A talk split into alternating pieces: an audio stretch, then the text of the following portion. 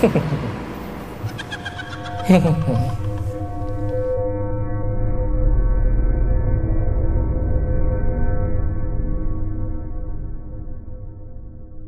datang di RJ5 bersama gue Fajar Aditya. Sebelum dimulai, gue mau ngasih tahu nih kalau nggak cuman gue, tapi lo juga bisa bikin podcast lo.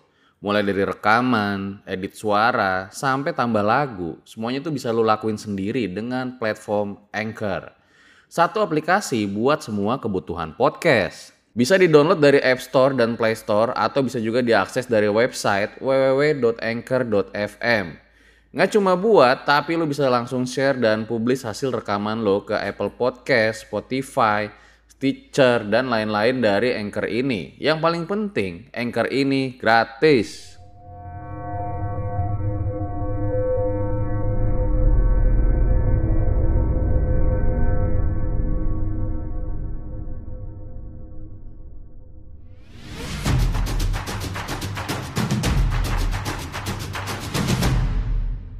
Kini Podcast Network. Ini kebetulan udah banyak saksinya, ada supir bus sama connect bus. Jadi bis itu ada tiga, supirnya dua, connectnya satu, sama orang Jepara itu banyak. Pasti kalau melihat ini, pasti akan saya kasih tahu dan pasti dia akan nostalgia dengan cerita ini. Karena pasti keinget, karena ini yang ngalamin bukan saya saja.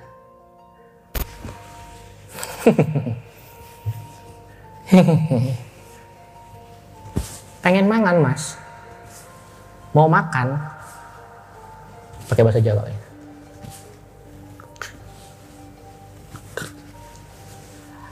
Pas dia balik badan, matanya satu doang bang, satunya lagi hancur banget. Hidungnya nggak ada bang, tapi mulutnya sampai sini, ada taringnya. Ininya. Dan apa namanya? Pada waktu balik badan dia masih mainin rambut kamu pengen makan mas hmm? ini habis ini saya bikin Astagfirullahaladzim saya baca ayat kursi dengan langsung Allahu la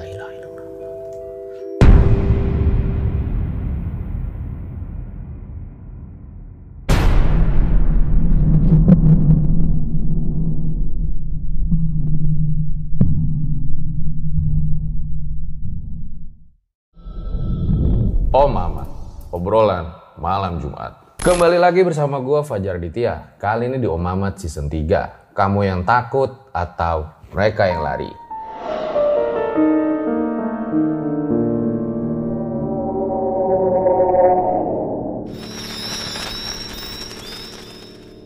Kayak biasa guys, malam Jumat waktunya sama narasumber. Kayak biasa juga, kalau di RJ5 itu nggak ada setting-settingan. Kalau ceritanya kayak gitu, ya kayak gitu aja. Sekarang nih, gue udah kedatangan seorang legend bisa dibilang nih. Dia penulis horor di Twitter. Dan bisa dibilang juga dia ini aktivis ya. Langsung aja kita sapa-sapa nih. Halo Mas Bian. Halo Bang Fajar Kenapa Mas suka nulis horor di Twitter sama aktif juga di dunia politik? Waduh. Apa dua-duanya sama-sama horor? Aduh sebenarnya saya itu bukan hobi nulis di Twitter sebenarnya Bang saya itu sebenarnya iseng waktu itu. Gabut gabut ya udah cerita apa namanya cerita Pengalaman. tentang pengalaman. saya gitu kan pada waktu uh, kejadian horor di kehidupan saya. Ternyata respon di Twitter sangat ramai. Oh, bikin ketagihan. Akhirnya saya uh, karena banyak kejadian horor yang saya alamin jadi ya saya habis rame lanjut cerit bikin cerita lagi bikin cerita lagi sampai sekarang oh gitu. kalau aktivis mah ya kita ngikutin alur kampus aja kita bang Oh gitu ya. Iya. Bawaan kampus ya. serem-serem mah emang dua-duanya serem tapi lebih serem yang Nah, Bang Bian ini juga kan eh, pernah punya pengalaman horor di Alas Roban. betul Katanya itu sampai mampir ke warung jin ya. ya Karena kan ini biasanya Bang, kita kan hanya baca terus juga nonton-nonton film tentang hal tersebut. ya Ternyata Bang Bian sendiri mengalami gitu. pengalaman itu apalagi alas Roban itu banyak kali warung-warung yang sekarang udah tutup bang Oh. kalau dulu mah rame bang Loh, malah ramean dulu. dulu ramean dulu sekarang kan udah banyak tol bang Itu Jadi- tahun berapa ngalamin Saya mampir ke ngalamin- warung jin itu? tahun 2017-an bang 2017. 17-an Dan itu tol itu masih apa namanya Brebes ke Semarang itu belum ada. Tol Brebes sudah ada, tapi Brebes yang ke Semarang itu belum ada. Jadi kalau bis yang keluar dari tol Brebes itu keluar itu harus lewatin jalan Pantura dulu. Nah, melewati alas roban itu. Oke, tapi ini saya mau nanya juga ya bang, kan saya belum pernah lewat situ. Ya. Nah, katanya alas roban dulu sama sekarang tuh udah beda. Beda. Sekarang katanya udah nggak seserem yang dulu. Itu Iya. bener. Bener bang, sekarang itu eh, kalau kita tahu ya bang ya, jalur di alas roban itu ada dua bang, jalur utara sama selatan. Dan jalur utara itu yang biasanya dilewatin sama ini eh, penghuni-penghuni lama kayak truk gede, kontainer gede gitu loh bang, truk itu dan bis kadang. Kalau jalur selatan itu yang agak ramean itu yang udah agak terang dan itu biasanya dilewatin sama mobil-mobil. Tapi berarti masih ada yang lamanya ya? Ada. Yang yang penerangannya masih minim itu Iya ya? masih ada bang sampai sekarang bang. Masih ada ya. Dan sekarang yang banyak kalau misalkan kita ke pulau ke Jawa Tengah itu ya karena dari Jakarta biasanya langsung lewat tol bang, nggak sampai lewat Hmm. alas roban sekarang. So, gue rasa langsung saja berikut adalah ceritanya.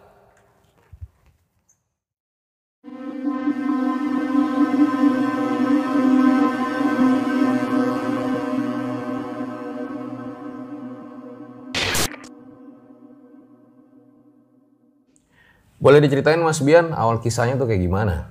Dulu waktu saya kuliah di Jakarta, ke tempatnya di daerah Tangerang Selatan, saya eh, berdomisili di daerah Celeduk di rumah tante saya.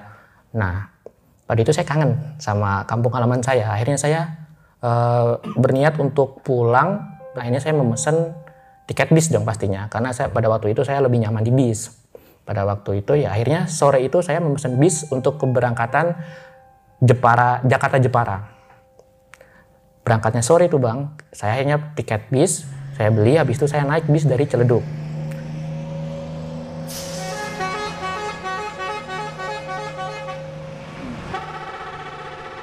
tapi kebetulan habis itu kita transit dulu di pasar Jumat. Itu berhentinya sangat eh, pada waktu itu lama banget lah. Habis itu kampung rambutan ke pasar apalagi gitu saya kurang tahu karena kan saya di bis ya udahlah nikmatin perjalanannya aja kan dan akhirnya tiba-tiba itu udah maghrib dan udah masuk di tol. Nah setelah udah maghrib itu pasti kan malam kan bang. Karena malam akhirnya lampu bis itu dimatikan. Lampu bis dimatiin itu lalu saya refleks karena udah ada azan maghrib. Saya sholat dulu bang di bis. Karena nggak bisa dikodok kan.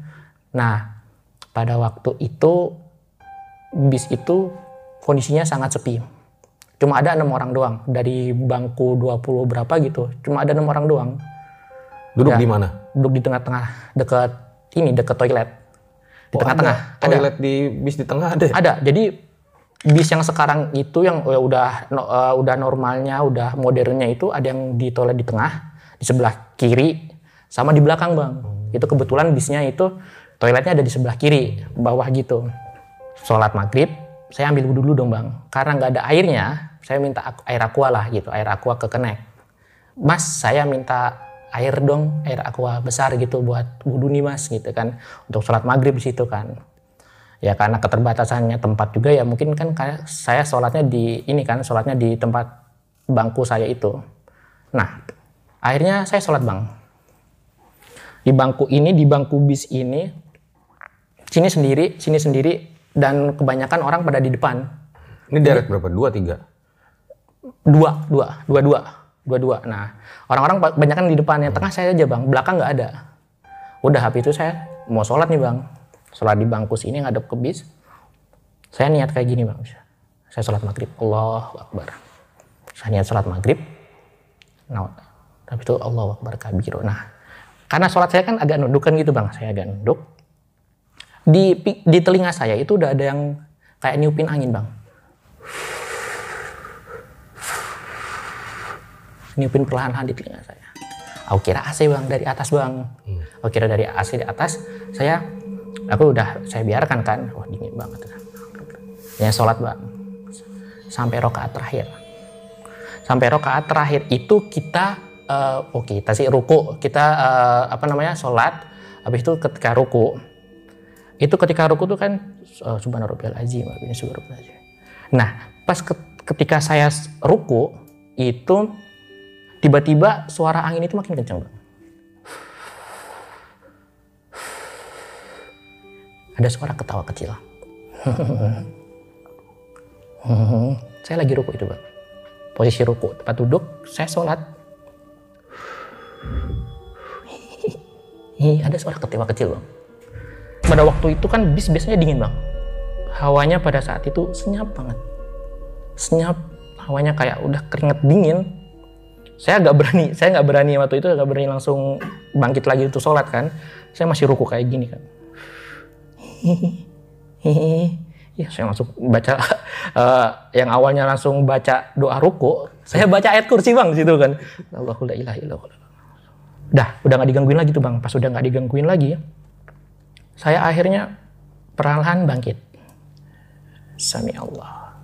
Pas itidal itu bang, di depan saya itu kan kursi bang. Ternyata ada kepala kebalik bang. Ada kepala terbalik, mukanya berantakan, cuma mulutnya sampai telinga ini bang. Jadi pas kita, kan ini kan kursi bang. Pas kita bang. Sami. Astagfirullahaladzim. Saya teriak bang itu bang. Wah! Teriak kenceng banget itu. Sampai orang-orang yang ternaik sama supir bus, eh itu ada apa gitu, belakang ada apa gitu. Teriak bang refleksnya, wah, astagfirullahaladzim gitu. Pada dateng gitu. Oh nopo mas, oh nopo, ada apa gitu katanya. Nggak apa-apa pak. Jadi cuma abis nonton ini uh, film horor gitu, kaget ada refleks gitu. Saya nggak tahu itu bang penampakan di bis atau apa, tapi ya karena saya sholat itu, sehabis ruku saya digangguin sama gitu. Bayangin bang, lagi sholat kayak gini, bangku kan. Bersani Allah. Ada kepala kayak gitu. Astagfirullah. Kepalanya kebalik lagi posisinya. kebalik balik ini lagi senyum bang. Gitu ketawanya anjir ya Allah ya Allah. Batal sholat itu. batal pasti bang. Udah rakaat terakhir itu bang. Akhirnya udah setelah selesai saya pindah duduk depan. Pak eh, saya duduk depan nggak apa-apa ya pak? Takut pak. Di, di pikiran saya udah nggak ada orang gitu akhirnya saya duduk di bagian depan agak nomor 3 sama empatan. Akhirnya pas udah masuk tol udah lewatin tol apa nah Cipali saya tidur. Setelah bangun tidur itu ternyata udah sampai di Brebes bang. Dan di Brebes. Brebes kita keluar tol di pada waktu itu bis itu nyediain makanan di warung di rumah makan. Kita makan dulu pastinya. Makan dulu pada waktu itu saya masih apa namanya ngasih nggak terlalu curiga lah ada penampakan penampakan apa. Udah nggak mikirin itu. Pokoknya udah lapar makan. Karena kalau udah lapar udah nggak mikirin penampakan penampakan. Bener. Sekitar jam berapa nih? itu malam bang jam sebelasan. Oh jam 11 Hmm, itu udah jam sebelasan. Karena sebenarnya tuh bis udah agak ini bang udah agak bermasalah gitu agak bermasalah waktu berangkat itu. Pokoknya jadi kayak di tol itu sering berhenti, berhenti juga bang. Sering berhenti juga di Cipali minggir dikit ada yang masalah kayak gitu. Jadi sampai jam sebelasan gitu udah baru sampai Brebes. Akhirnya setelah makan kita lanjut perjalanan bang. Pada waktu itu tol Brebes ke Semarang itu belum ada. Bre- Brebes Pemalang itu belum ada. Akhirnya eh, bis yang keluar tol Brebes itu langsung masuk ke Pantura jalan Pantura. Dan setelah sampai Batang pasti sebelum melewatin Batang kita harus melewatin Alas Roban itu. Alas Roban itu ada di kebetulan ada di Kabupaten Batang Jawa Tengah. Kalau mau info ya bang ya. Dan kebanyakan banyak cerita-cerita mistis yang pada mengangkat kisah-kisah supir truk kisah-kisah supir bis yang bahwasanya Alas Roban itu memang mistis dan memang itu kejadian. Bahkan pengendara pribadi juga banyak. banyak bang. Ada yang ini apa ada yang berangkat sendiri sopir ternyata bawa pocong bawa itu banyak dan ternyata pada waktu itu saya juga ngalamin sendiri. Jadi pada waktu itu bis malam itu yang ini kebetulan udah banyak saksinya ada supir bus sama kenek bus. Jadi bis itu ada tiga supirnya dua keneknya satu sama orang Jepara itu banyak. Orang lima sak sebagai saksi saya itu masih hidup sampai sekarang. Pasti kalau melihat ini pasti akan saya kasih tahu dan pasti dia akan nostalgia dengan cerita ini karena pasti keinget karena ini yang ngalamin bukan saya saja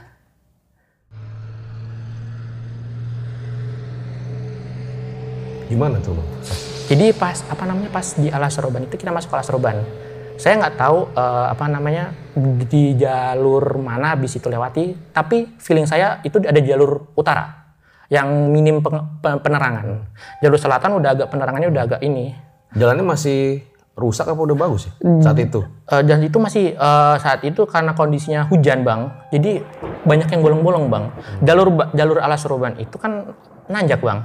Nanjak itu kalau misalkan ada apa ada lubang itu kan pasti berhenti bang kalau truk gede atau bis gede. Jadinya yang bikin lama dan apa namanya truk-truk kayak gitu kan pasti berhenti dulu bang. Kalau nggak minggir agak minggir terus jadinya eh, kayak di eh, apa di tengah-tengah kayak gini itu berhenti bang. Itu yang bikin lama bang. Nah kebetulan saya punya apa namanya di bis eh, yang saya tumpangin itu lewat jalur lama.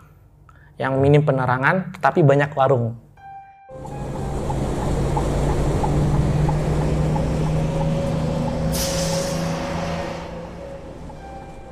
Pada waktu zaman dulu mungkin karena jalur alas roban ramai jadi banyak sekali or- orang-orang yang jualan warung di pinggir jalan. Es kelapa eh, mie instan kayak gitu dan banyak sekali. Dan itu bukanya sampai 24 jam bang. Kebetulan pada waktu itu memang udah habis hujan. Jadi pas saya di tol itu saya nggak tahu kalau di alas roban itu ternyata udah hujan. Oh. jadi udah bekas-bekas hujan. Jadi warung mungkin kan tutup bang. Pada waktu itu mungkin warung emang pada tutup bang. Karena Yang- hujannya deras ya. deras banget mungkin bang. Soalnya banyak genangan di alas roban yang jalannya kayak gitu banyak genangan bang. Saking derasnya itu sih yang kayak lihat dari pinggir naik bis itu kan. Akhirnya pada waktu saya naik bis di alas roban itu pas nanjak itu bis mulai agak mandek mandek lagi apa yang namanya? Ada permasalahan lagi di supirnya. Apa? Di kopling. Ah di kopling ah. Apalagi Dia- tanjakan. ya. tanjakan. Dia mainin kopling dia mainin kopling kok nggak masuk masuk koplingnya gitu kan. Mau nanjak mau nurunin kopling kok kayaknya ada yang kesulitan gitu pas nanjak.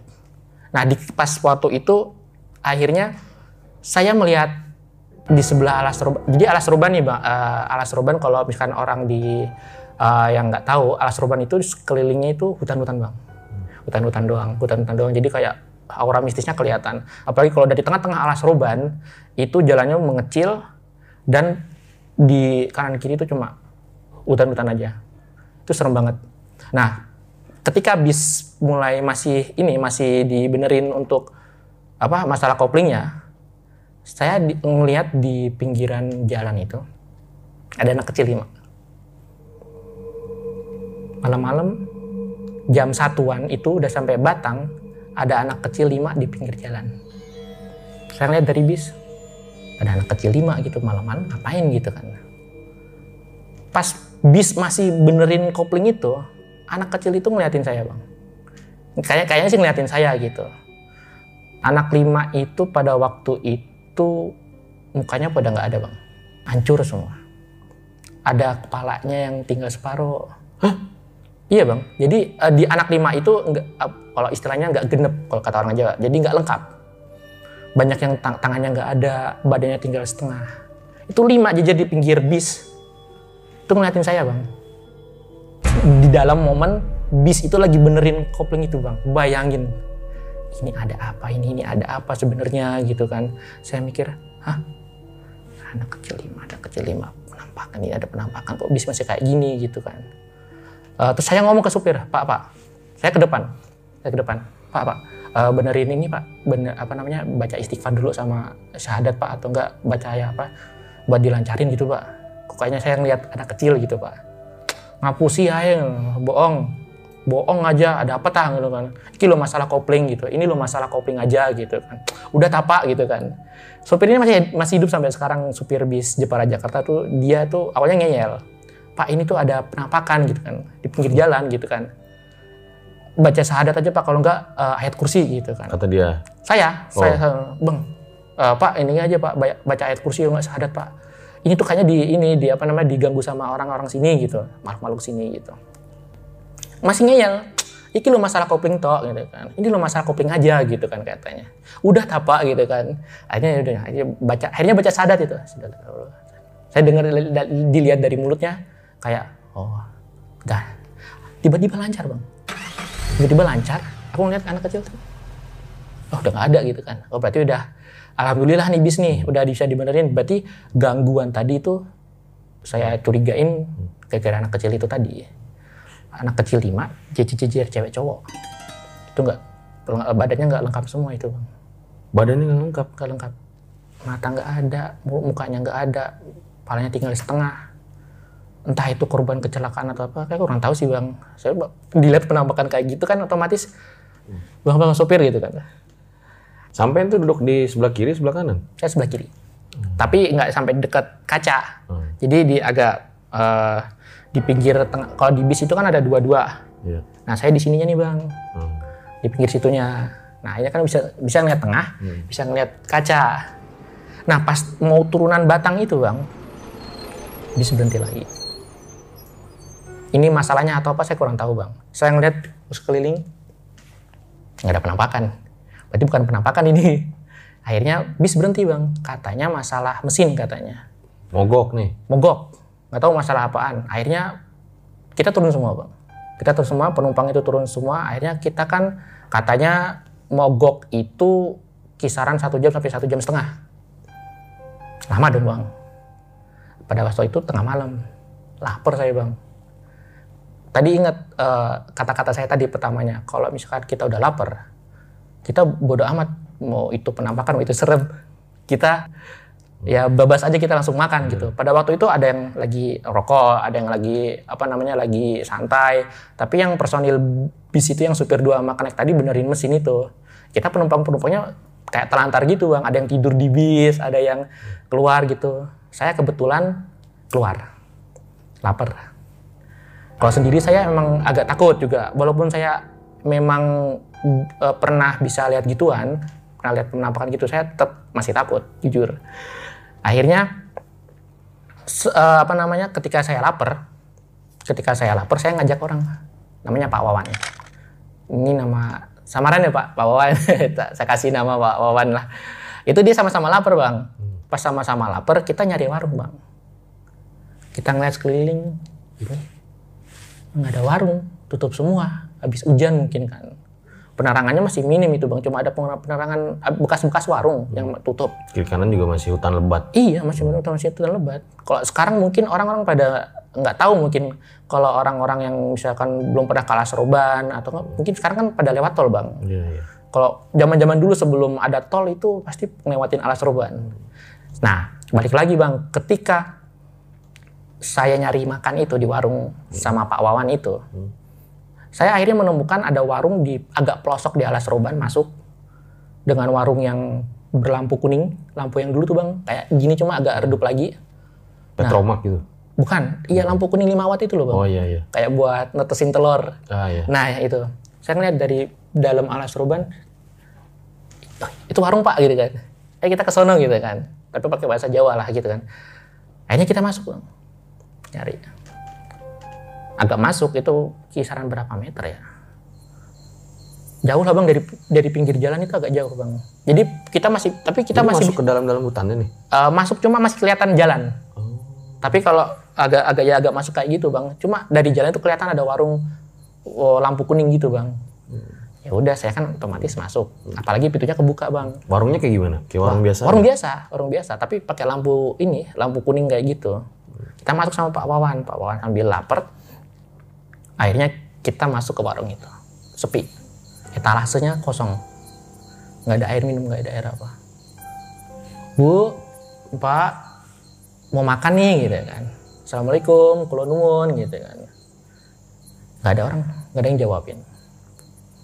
Pas kita nunggu sama Pak Wawan itu duduk-duduk dulu, tiba-tiba ada yang nyuci piring bang di belakang. Nyuci piring di belakang. Nah, karena ada orang, kita langsung samperin ke dapur bang, pelan-pelan. Kita ke dapur. Nah, di situ ada ibu-ibu ngadep ke sono, berarti ngebelakangin kita. Ngebelakangin kita itu dia lagi nyuci piring. Kita lihat dari belakang situ sih bang. Jadi ibu- ibu-ibu itu ngadep ke sono, lagi nyuci piring. Karena ada orang, saya otomatis ngomong dong, ibu, eh, saya mau makan ini nih, mau makan ini nih. Peh, Pak Wawan, mau pesan apa Pak? Aku pesan ini. Oh, di- sama ini Pak Wawan mau pesan ini. Ibu, niki kulo mesen mangan bu. Kan. Kalau dalam eh, bahasa Indonesia-nya, ini saya mau ma- mau mesen makan bu. Gitu kan. Dia nyuci piringnya berhenti. Piringnya ditaruh, dia kayak ngadep ke depan gitu bang. Padahal ngadep ke depan itu tembok bang. Di sini mas tafel, ini tembok. Pas dia ngadep ke sini, setelah nyuci piring, saya ngeliat anggukan dia dari belakang. Oh siap ya. Akhirnya saya langsung ke depan dong, ke tempat duduk warung makan itu. Jadi kalau kayak warteg gitu lah bang. Ah, iya. Warteg kan etalasenya banyak tuh bang. Hmm. Tapi etalasenya kosong. Ya udah kita tunggu di depan situ. Nah, kebetulan pada waktu itu setelah kita sebelum kita pergi ke depan warungnya situ, ke tempat makan gitu, ada anak ini, ada anak umur 15 tahunan, tinggi kurus, pakai sarung, pakai kaos biasa gitu. Nemenin ibu itu. Tiba-tiba ada itu, ada anak kecil, an- anak kecil, anak remaja yang kurus itu. Jadi setelah anak kecil, anak remaja itu nemenin ibu-ibu yang itu, saya ngeliat, oh udah ditemenin, berarti mau dibikin masaknya itu. Akhirnya kita tungguin bang. 15 menit saya tungguin, nggak, disa- nggak dikasih makan sama sekali. 20 menit, nggak dikasih makan sama sekali. Kita keluar warung bentar bareng. Kita keluar warung bentar, kita ngeliat bis, masih dibenerin. Emang menjorok ke alas roban situ masuk, cuma kalau kita ngeliat bis masih ada. Hmm. Jadi pada waktu itu udah setengah jaman lah, udah kita langsung nggak sabar, kita langsung ke dapur. Ternyata ibu-ibu dan mas-mas itu ngebelakangin kita bang, di samping wastafel yang dia lagi nyuci piring. Pakai baju apa? Ibu Kalau ibu-ibu itu pakai daster biasa bang. Kalau mas-mas yang remaja itu pakai sarung sama pakai kaos biasa. Tapi kebetulan dia ngebelakangin kita, jadi pada ngadep ke sono. Jadi belum melihat depannya ya? Belum. Nah, setelah itu saya langsung dong konfirmasi lah ke ibu itu. Ibu, kok makanannya belum belum belum dibikinin gitu, belum dibikinin. Kenapa, Bu? gitu. Pakai bahasa Jawa tapi, Bang. Tiba-tiba pas dia mau nengok, mau dibikinin gitu. Dia rambutnya kan panjang, Bang. Jadi itu ibu-ibu itu pakai daster, rambutnya panjang, belum dikuncir, sama mas-masnya itu di sebelahnya pakai sarung, pakai kaos. Setelah saya ngomongin kalau saya lapar dan pengen makan, kok nggak dibikin-bikinin, tiba-tiba dia ngambil rambut kayak gini.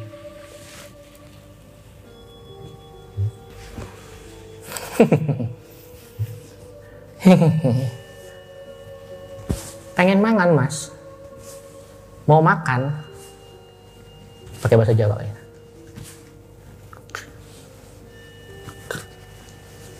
Itu masih bagian di belakang bang, saya melihat di belakang ibu itu ibu itu ngapain gitu kan sambil mainin rambut kan. Dia bu kalau pengen mangan bu gitu kan. Sambil mainin masih mainin rambut di belakang. Pas dia balik badan matanya satu doang bang satunya lagi hancur banget hidungnya nggak ada bang. Tapi mulutnya sampai sini. Ada taringnya. Sininya bu. Dan apa namanya pada waktu balik badan dia masih mainin rambut kamu pengen makan mas? Hmm? ini habis ini saya bikin. Astagfirullahaladzim saya baca ay- ayat kursi dong langsung. Allahu la si mas-mas itu tiba-tiba balik badan bang. Tiba-tiba balik badan itu ternyata bukan mas-mas biasa bang. Pas dia balik badan itu dia nyopot sarung. Ternyata kakinya bulu semua bang. ini bulu semua bang tiba-tiba dia berubah jadi agak gede bang. Itu kayak Menggede punya gitu. emang tot gitu. Dua setengah meteran ada bang. Tiba-tiba. Warung itu emang sebenarnya tinggi gitu bang. Cuma ya dua setengah meteran lah bang lah pokoknya. Jadi tiba-tiba gede ngeliatin saya matanya merah bang. Matanya merah ada taringnya. Wow banget bang. Itu di dapur itu saya ngelihat astagfirullahaladzim itu siapa lagi? Ya coba kayak genderuwo itu bang. Akhirnya ibu-ibu itu masih mainin sambil nyamperin perlahan ini dibikinin sama anak saya. Ya si anaknya jawab.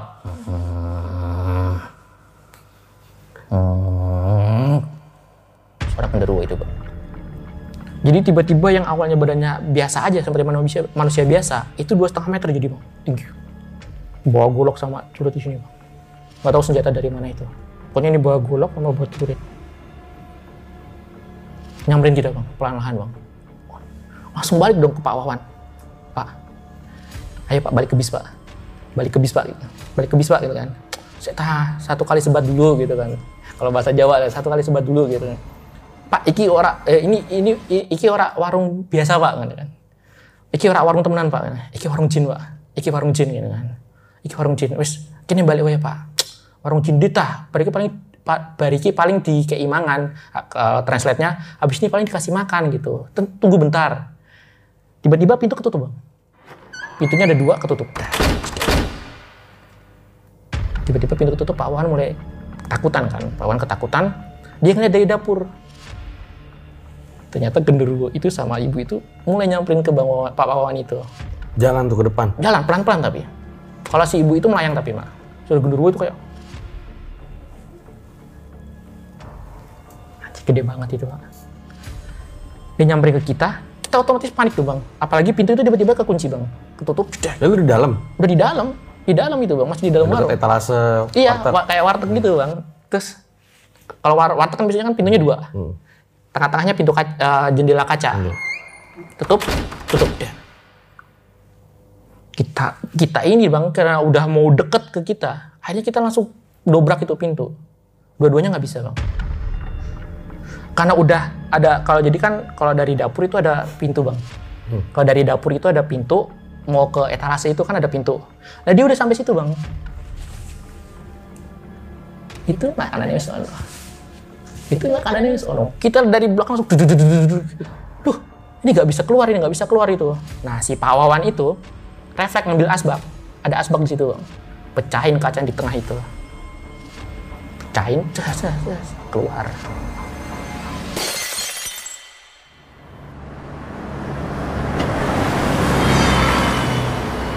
Hai,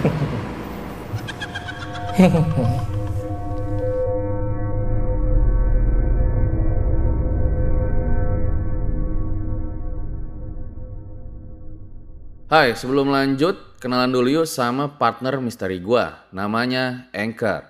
Anchor ini adalah all-in-one podcast editing platform yang membuat gue lebih mudah untuk rekaman, edit suara, tambah lagu, dan segala hal dalam pembuatan podcast yang sedang kamu dengerin kali ini. Anchor bisa ngebantu kamu bikin podcast kamu sendiri. Caranya tinggal download dari App Store dan Play Store. Atau bisa juga diakses di www.anchor.fm. Jadi download Anchor sekarang juga.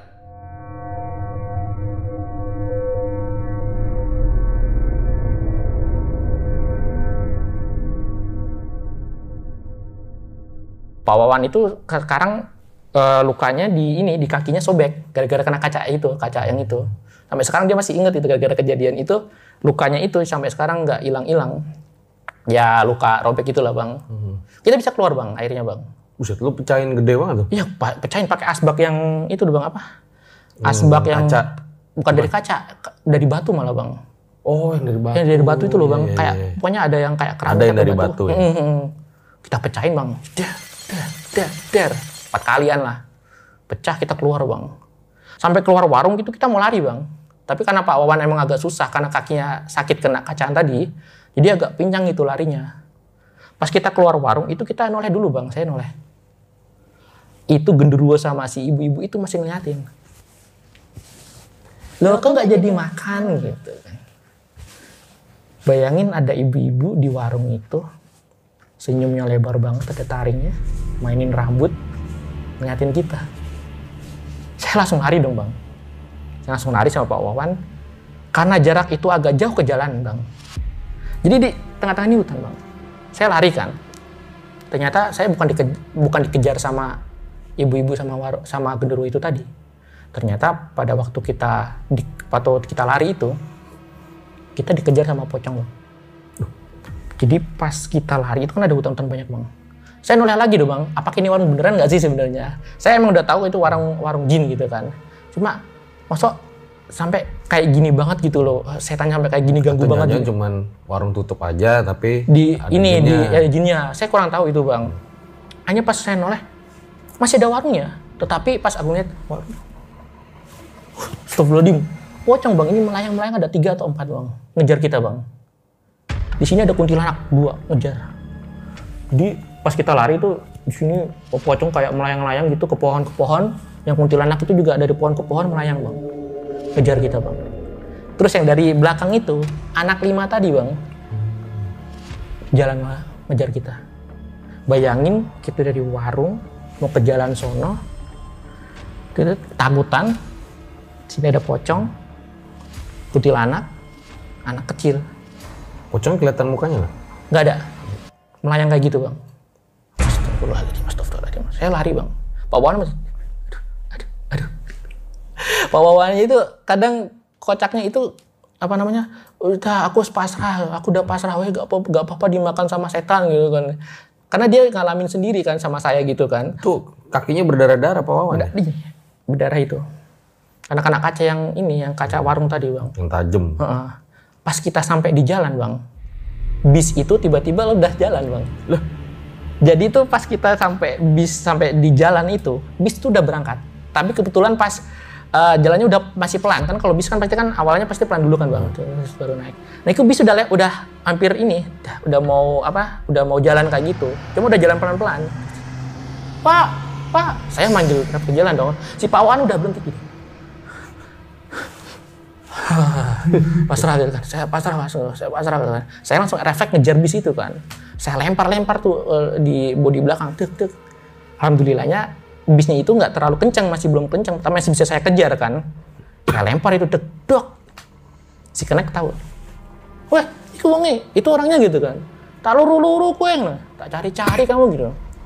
Tak cari cari gitu. Akhirnya berhenti bis itu. Nah si Pak Wawan itu saya samperin lagi dah. Pak pak pak kenapa pak? Kenapa kenapa piye? Kenapa kenapa eh, kaki saya sakit kok masih ditanya kenapa kenapa gitu kan? Saya ngeliat tuh masih apa namanya masih agak ngejar gitu bang pocong sama si kuntilanaknya pas akhirnya Pak Wawan itu sama saya pergi ke bis kan bis udah sampai sana tuh bang. Kita akhirnya kan ngejar bis itu kan. Karena udah bis berhenti ya udah kita jalan pelan pelan gitu. Pas kita lihat ke belakang bang itu pocong pada berdiri kuntilanaknya pada berdiri sama anak lima itu berdiri semua bang. Di dekat jalan sambil ngeliatin kita. Kayak gitu. Jadi pas kita jalan ke bis di pinggir jalan itu bang. Di pinggir jalan alas urban itu tuh pada waktu itu karena abis hujan biasanya terpada menepi bang. Jadi yang lewat itu pada pada dikit. Kebetulan ada bis kita doang itu yang kebetulannya menepi. Akhirnya kita jalan pas kita jalan di pinggir jalan itu kita masih ngeliat belakang masih dikejar nggak gitu kan tiba-tiba dia cuma ngeliatin doang bang setan itu bang dah itu saya berkesimpulan kalau di situ ada termasuk warung jin Bang. karena nggak mungkin kalau misalkan eh, apa namanya misalkan warung itu punya penglaris bang setan nggak sebegitu banyaknya bang Hmm. kalau punya warung itu apa namanya kalau misalkan warung itu ditempatin sama jin dan jin itu nggak punya kemampuan untuk segitu banyaknya apa eh, sabotase lah istilah sabotase warung itu bang itu banyak banget bang Memang Bian ini bisa ngelihat hal-hal kayak gitu dari dulu. dari dulu dari zaman ini eh, dari ayah saya keturunan Oke. Nah selanjutnya gimana?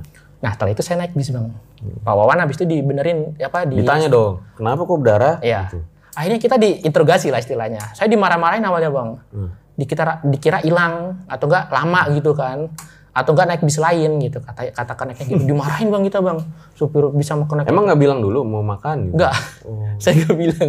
Saya kira kan apa namanya ya namanya Sebentar doang. Ya sebentar doang makan doang kan. Karena udah masih lama kan kayaknya. Ya udah masih bisa ngeliat warung bisnya itu. Ya udah kita nggak nggak usah bilang-bilang gitu kan. Kita diinterogasi sama supirnya sama bisnya. Dimarah-marahin. Kamu tuh gini gini. Dicariin ini apa nggak tahu diri kamu pakai bahasa Jawa lah.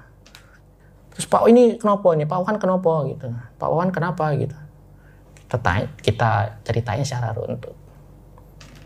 Pas kita eh, cerita runtut itu bang, ternyata anak kecil sama setan-setan tadi udah ada di pinggiran bis depan.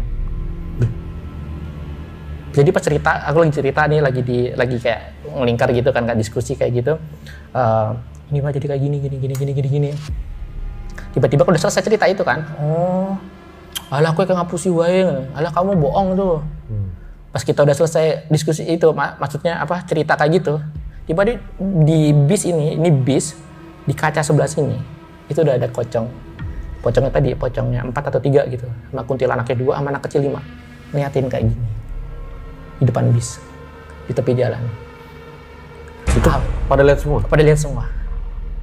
itu ada saksi jam bajak banget itu pasti eh, orang yang Pak supir yang di Jepara sama yang apa bis-bis Jepara yang saya tumpangin sama Pak Wawan pasti tahu ini. Itu saksi. Itu pocongnya gimana? Apa pocong itu kebetulan doang? eh, pocong itu kebetulan putih doang bang. Cuma kuntilanaknya itu ini apa rambutnya nutupin wajahnya kayak gitu. Yang serem ya, ser- ya namanya juga setan kayak gitu kan bang. Serem gitu pocong kuntilanak terus kayak foto keluarga gitu anak kecil lima di tengah-tengahnya langsung Mungkin dia ngasih sambutan kali. Terima kasih. Terima kasih. langsung puter langsung ini langsung yang awalnya nepi langsung ini langsung ngebut supirnya kalau abang tahu jadi supir-supir Jepara eh, bis-bis antar kota antar provinsi itu biasanya pada nyetel dangdut di bis sampai sampai tujuan itu pasti nyetel dangdut Iya. Habis penampakan itu nyetel hadat alwi bang. Solawatan ini auto tobat atau gimana habis lihat penampakan kayak gini? Sampai saya sampai sampai saya sampai di Jepara itu. Masih setel solawatan Itu total jadi berapa orang yang lihat penampakan saat itu? Eh, personelnya tiga bis terus penumpangnya enam. Sembilan. Itu itu kisah eh, apa namanya warung jin yang ada di alas roban itu. Jadi eh, mungkin karena kebanyakan sekarang udah ada tol kan bang ya jadi eh, banyak yang orang pada lewat itu nggak di alas roban karena cepatnya tuh di tol tapi kalau misalkan teman-teman kalau misalkan pengen kepo tentang gimana seremnya alas roban silahkan lewat jalur utara kalau nggak eh, selatan dah seru Nah akhirnya kan setelah lihat penampakan pasang lagu solawatan tuh. Iya. Itu keluar dari alas robannya berapa lama setelah kejadian itu? kurang kurang tahu sih bang cuma pokoknya oh, ngebut pokoknya bang. Tuh bis itu ngebut. Karena mungkin kan awalnya supir itu kan sempat nggak percaya dua kali sih bang. Saya ceritain waktu pertama, pertama ken- kenal sama anak kecil lima itu suruh syahadat sama suruh apa ayat kursi nggak mau. Hanya pas disuruh eh, saya suruh syahadat sama ayat kursi mau baru bisa bisnya.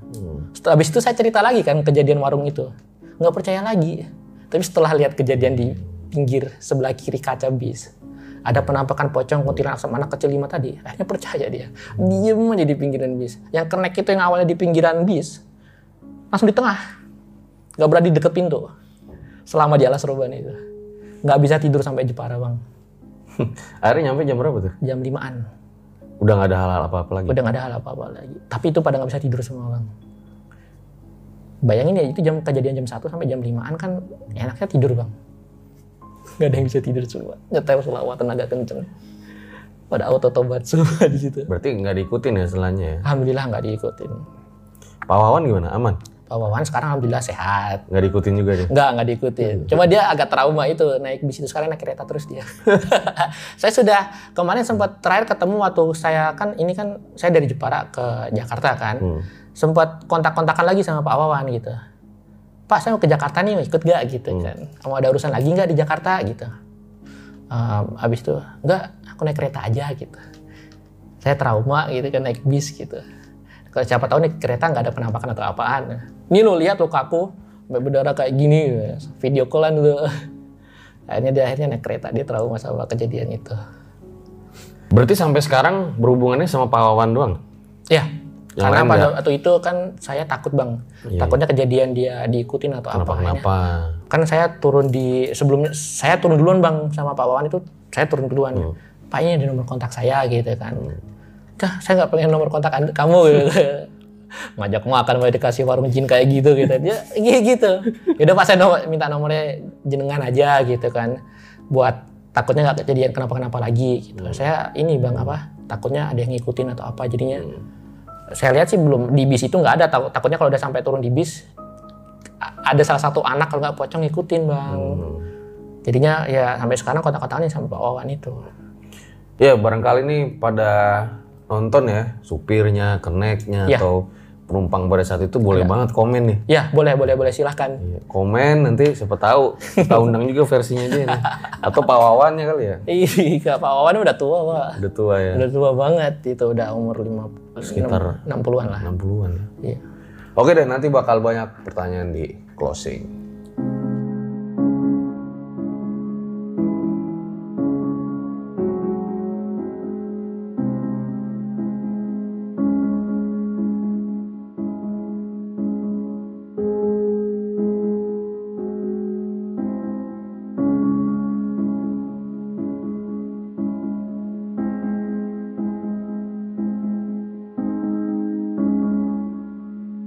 Itu dia guys sebuah kisah luar biasa dari Mas Bian ya. Ternyata dia pernah mampir ke warung jin di Alas Roban. Karena kan emang selama ini tuh yang beredar kan cerita-ceritanya. Iya.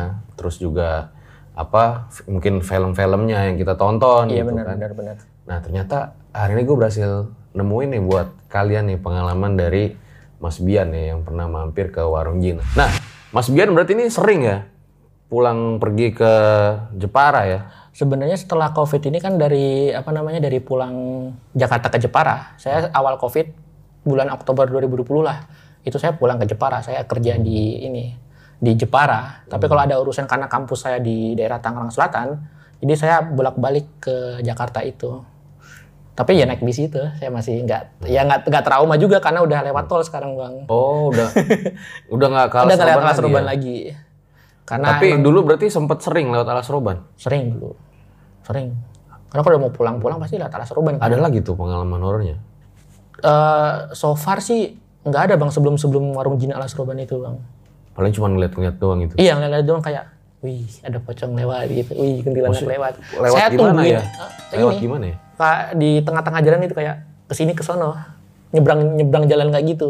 Tapi terbang gitu, Dia melayang. terbang melayang kayak gitu. Saya itu mah bukan nungguin kuntilanaknya bang. Katanya kalau nggak ada elang, harimau, kalau nggak ini apa namanya kayak monyet-monyet gitu di alas roban. Saya nungguin itu malah penampakan kayak hewan-hewan gitu. Malah ngelihatnya, sih lah pocong, kuntilanak, lah gitu. Kayak kayak pengen tahu aja sih kan alas roban itu kan masih belum terlalu terekspos juga kan. Jadinya masih banyak hewan-hewan yang ini yang makanya saya kepo itu. Maksudnya hewan nyata kan? Hewan nyata, hewan nyata. Bukan bukan siluman kan? Bukan, yang saya tungguin malah hewan-hewan nyata itu. Tapi pernah setelah kejadian warung jin itu lewat situ lagi terus penasaran lihat ada warung Pernah, enggak? eh, pernah, pernah. Saya waktu itu ada tugas di daerah Brebes. Heeh. Saya itu apa namanya, eh, ada kegiatan di Brebes, saya lewat ini, naik bis juga. Naik bis Semarang Brebes lah. Lewat Alas Roban itu bang. Karena kan bisnya itu kan kalau yang eh, apa namanya yang patas, yang AC lewat tol. Kalau yang bis ekonomi biasa itu pakai lewat Alas Roban. Nah, itu malam-malam lewat Alas Roban. Nggak kenapa-napa. Cuma emang karena lewat-lewat itu doang penampakan itu yang kuntilanak pocong lewat Nah, itu doang bang selama itu mampir ke warung warung lagi nggak ada Tapi nggak pernah lihat ya, loh warung yang itu nggak nah nemu saya sempat gitu. saya eh, itu temuin masih ada Warungnya? hmm. Loh Udah. itu warung beneran berarti? nah saya itu saya pikir itu tiap saya lewat itu ketika udah lewat situ kira masih ada warungnya nggak ya tetapnya masih ada itu tah penglihatan saya atau kayak gimana tapi Dengan saya yang lampu kuningnya gitu? iya tapi saya saya yakin itu saya cuma bisa saya ngelihat Oh. Yang lain nggak gitu? Eh, yang lain enggak. Soalnya kan kebanyakan itu kan lampunya udah pada putih semua, Bang. Otomatis orang-orang pada milih kan warung warung yang ter- lebih terang di dekat jalan ketimbang yang itu. Kok saya lihat kok masih ada warung itu gitu loh. Dan saya nggak, eh, saya mikir nggak mungkin itu dia warung beneran gitu. Soalnya nggak mungkin warung sampai sebegitu banyaknya setan sampai ngejar-ngejar saya kayak gitu gitu loh. Penglaris-penglaris pun nggak sampai segitu banyaknya penglaris setan segitu banyaknya. Oh pernah juga makan di warung penglaris? Oh pernah, jelas. Jadi eh, untuk apa pengingat aja sih kalau orang-orang yang pengen makan di warung penglaris itu karena saya bisa ngelihat lah bang ya. Jadi pernah tuh makan bakso pakai kuali gitu kan. Di centongnya itu ada kayak tali bang. Tali Kelihatan tuh? itu beneran kelihatan itu orang-orang lain bisa ngelihat juga tali itu ternyata pas saya makan di- Centongnya nih? ah, centong yang buat kuahnya tuh Ada Bang. talinya? ada talinya di ini Diikat-ikat gitu? ah, diikat-ikat gitu saya pikir ini tali apaan gitu centongnya buat apa gitu kan terus yang apa namanya yang buat bakso itu kan kayak jaring-jaring bang Ya, ya. nah itu ada eh, karena jaring-jaringnya itu bolong dikasih rafia Hmm. tali rafia kayak gitu saya kira mungkin karena emang lagi nggak bisa beli ininya kali pas lagi duduk itu sama teman saya bang lagi duduk saya ngeliat di gerobaknya itu pocong mukanya mukanya ya ada mukanya cuma kapas-kapas doang tapi mulutnya lebar gini netes bang itu dari luar ke situ bang Jadi yang ngomong-ngomongan itu dilihat juga sama sampean ya? iya dan si pocong itu nggak kalau saya ngeliatin. Hmm. Habis itu dia langsung mingkem. Pindah lain. Pindah lain. Jangan itu, makan. jangan, nggak makan lagi. Jadi kalau misalkan eh, kalau warung-warung penglaris itu kelihatannya Hmm. sih mungkin ketika warungnya itu agak jorok bang, tapi rame. Hmm. Bukan bukan karena itu menurut saya itu bukan karena ramenya, bukan karena rame enaknya, tapi karena penglarisnya. Itu yang saya ketahui. Kalau warungnya jorok banget, terus rame, nggak normal gitu lah bang, nggak kayak warung-warung biasanya. Itu bisa dipatut dicurigain penglaris itu. Saya bukan fitnah atau apa kayak karena emang eh, apa namanya kata eh, kata di penglihatan saya kayak gitu. Hmm. Nah kita balik lagi ke alas roban nih bang. Itu kan maksudnya kan nggak semuanya ya. Hmm. Pengalaman horor kan bisa ada di mana aja ya. Benar, Nah, benar. kebetulan Mas Bian ngalamin di alas Jin- roban. Nah, di alas roban. Di rumah sendiri juga bisa ngalamin kan. Bisa pasti. Bahkan gue juga pernah di rumah sendiri. Jadi bukan masalah tempatnya ya. karena Memang kebetulan aja di sana. Memang gitu. penampakan kayak gitu. Ya walau berita-beritanya sebenarnya banyak juga ya. Yang di alas roban. gitu ya. Iya. Hmm. Kalau jujur sih gue juga belum pernah lewat sih. Ya, ke nyobain. alas roban. Ya nanti pengen deh. Siap. Ya. ya jalur lama ya bang ya. Iya. Jangan lewat tol dulu. Kalau kalau dari keluar keluar Jadi gimana sih eh, Dena Alas Roban itu? apa ya bang? Kalau misalnya kita masuk ke Batang itu ada dua jalur bang pisah bang. Hmm. Setahu saya kayak gitu. Jadi ada jalur utara sama sa- jalur selatan. Jalur utara tuh buat apa? Jalur lama itu bang kayaknya bang. Tapi sama tujuannya. Tujuannya sama keluar Batang mau ke arah kota selanjutnya. Oh, jadi ada jalur lama, ada jalur baru. Kenapa masih lewat jalur lama? Nggak tahu bisnya bang. Karena mungkin apa namanya? Saya juga kurang tahu. Saya lupa nanyain juga ke supirnya sih. Tapi emang kebetulan lewat di jalur lama. Pada saat itu ya. Enggak, kalau menurut lu bedanya apa jalur lama sama jalur baru? Oh kalau jalur jalur baru Apakah jalur lama memang lebih lama bang, lebih lama. Kalau jalur baru itu agak cepat. Oh. Jadi jalur lama, jalur baru, sama jalur tol. Jadi bisa, bisa tiga. Kalau jalur tol, Tapi sampai hari ini masih banyak juga yang lewat jalur lama. ini kalau misalkan ada truk-truk yang nggak bisa kan bayar tol kan mahal ya dari Semarang ke Jakarta. Tapi kalau misalkan eh etol yang nggak cukup kan pada lewat jalan Pantura bang. Kalau misalkan etol yang nggak cukup pasti lewat jalur Pantura lewat ini. Tapi kan ada yang jalur baru. Kenapa dia ngambil jalur lama? Kayaknya tuh jalur barunya itu mungkin karena apa namanya sempit. Kalau jalur lama kan agak lebar bang. Oh, ya pasti ada alasannya kan. Ya, pasti dibagi. Apalagi dulu kan jalur Batang itu kan Apa agak jalur baru macet kali? enggak macet. Oh enggak. Alas Ruben enggak pernah macet macet banget. ya? Iya, enggak macet. Nanjak aja, Bang. Jadi sup- eh, yang Kalau kayak di puncak kan macet tuh. aduh 17 jam kemarin. Iya. Orang-orang Jakarta ke puncak Nah, kalau alas roban jadi nggak pernah macet ya? enggak pernah. Mungkin karena alasannya macetnya mungkin itu ini ya. Hmm. macetnya kalau ada truk nggak bisa nanjak, itu macet di belakang. Itu yang bahaya juga. Oke oke, jadi lebih ke sana mungkin ya alasannya ya. Hmm. Oke deh, makasih eh, Mas Bian nih udah mampir ke RJ5 jauh-jauh dari Jepara. ya. Ini khusus buat kalian nih guys. Jangan lupa juga mampir ke Twitternya di mana Bian, ini suka cerita-cerita horor. Eh apa bang? at Bian underscore Sabil 1. Nanti gue taruh juga linknya di deskripsi di mana Doi aktivis juga nih mantep nih. Memang eh, sepertinya ada kesamaan ya antara horor sama politik ya. Kalau Untuk ta- pengalaman ah, tahun-tahun ini serem, Bang. pengalaman horor itu ketika ketemu setan tuh horornya di situ Iya. gitu. Nah kalau politik itu ketika kebijakan yang merugikan rakyat banyak baru itu horor. Serem. Oke deh kita Di Wakanda, Bang ya? ya nggak di Wakanda. Iya, di Wakanda ya. ya kita sudahi saja lah video kali ini Eh, ambil baiknya buang buruknya dengan adanya kisah-kisah seperti ini jangan malah menjadikan kalian takut akan tetapi kalian harus semakin yakin dan percaya dengan kebesarannya gue Fajar Aditya RJ5 undur diri ciao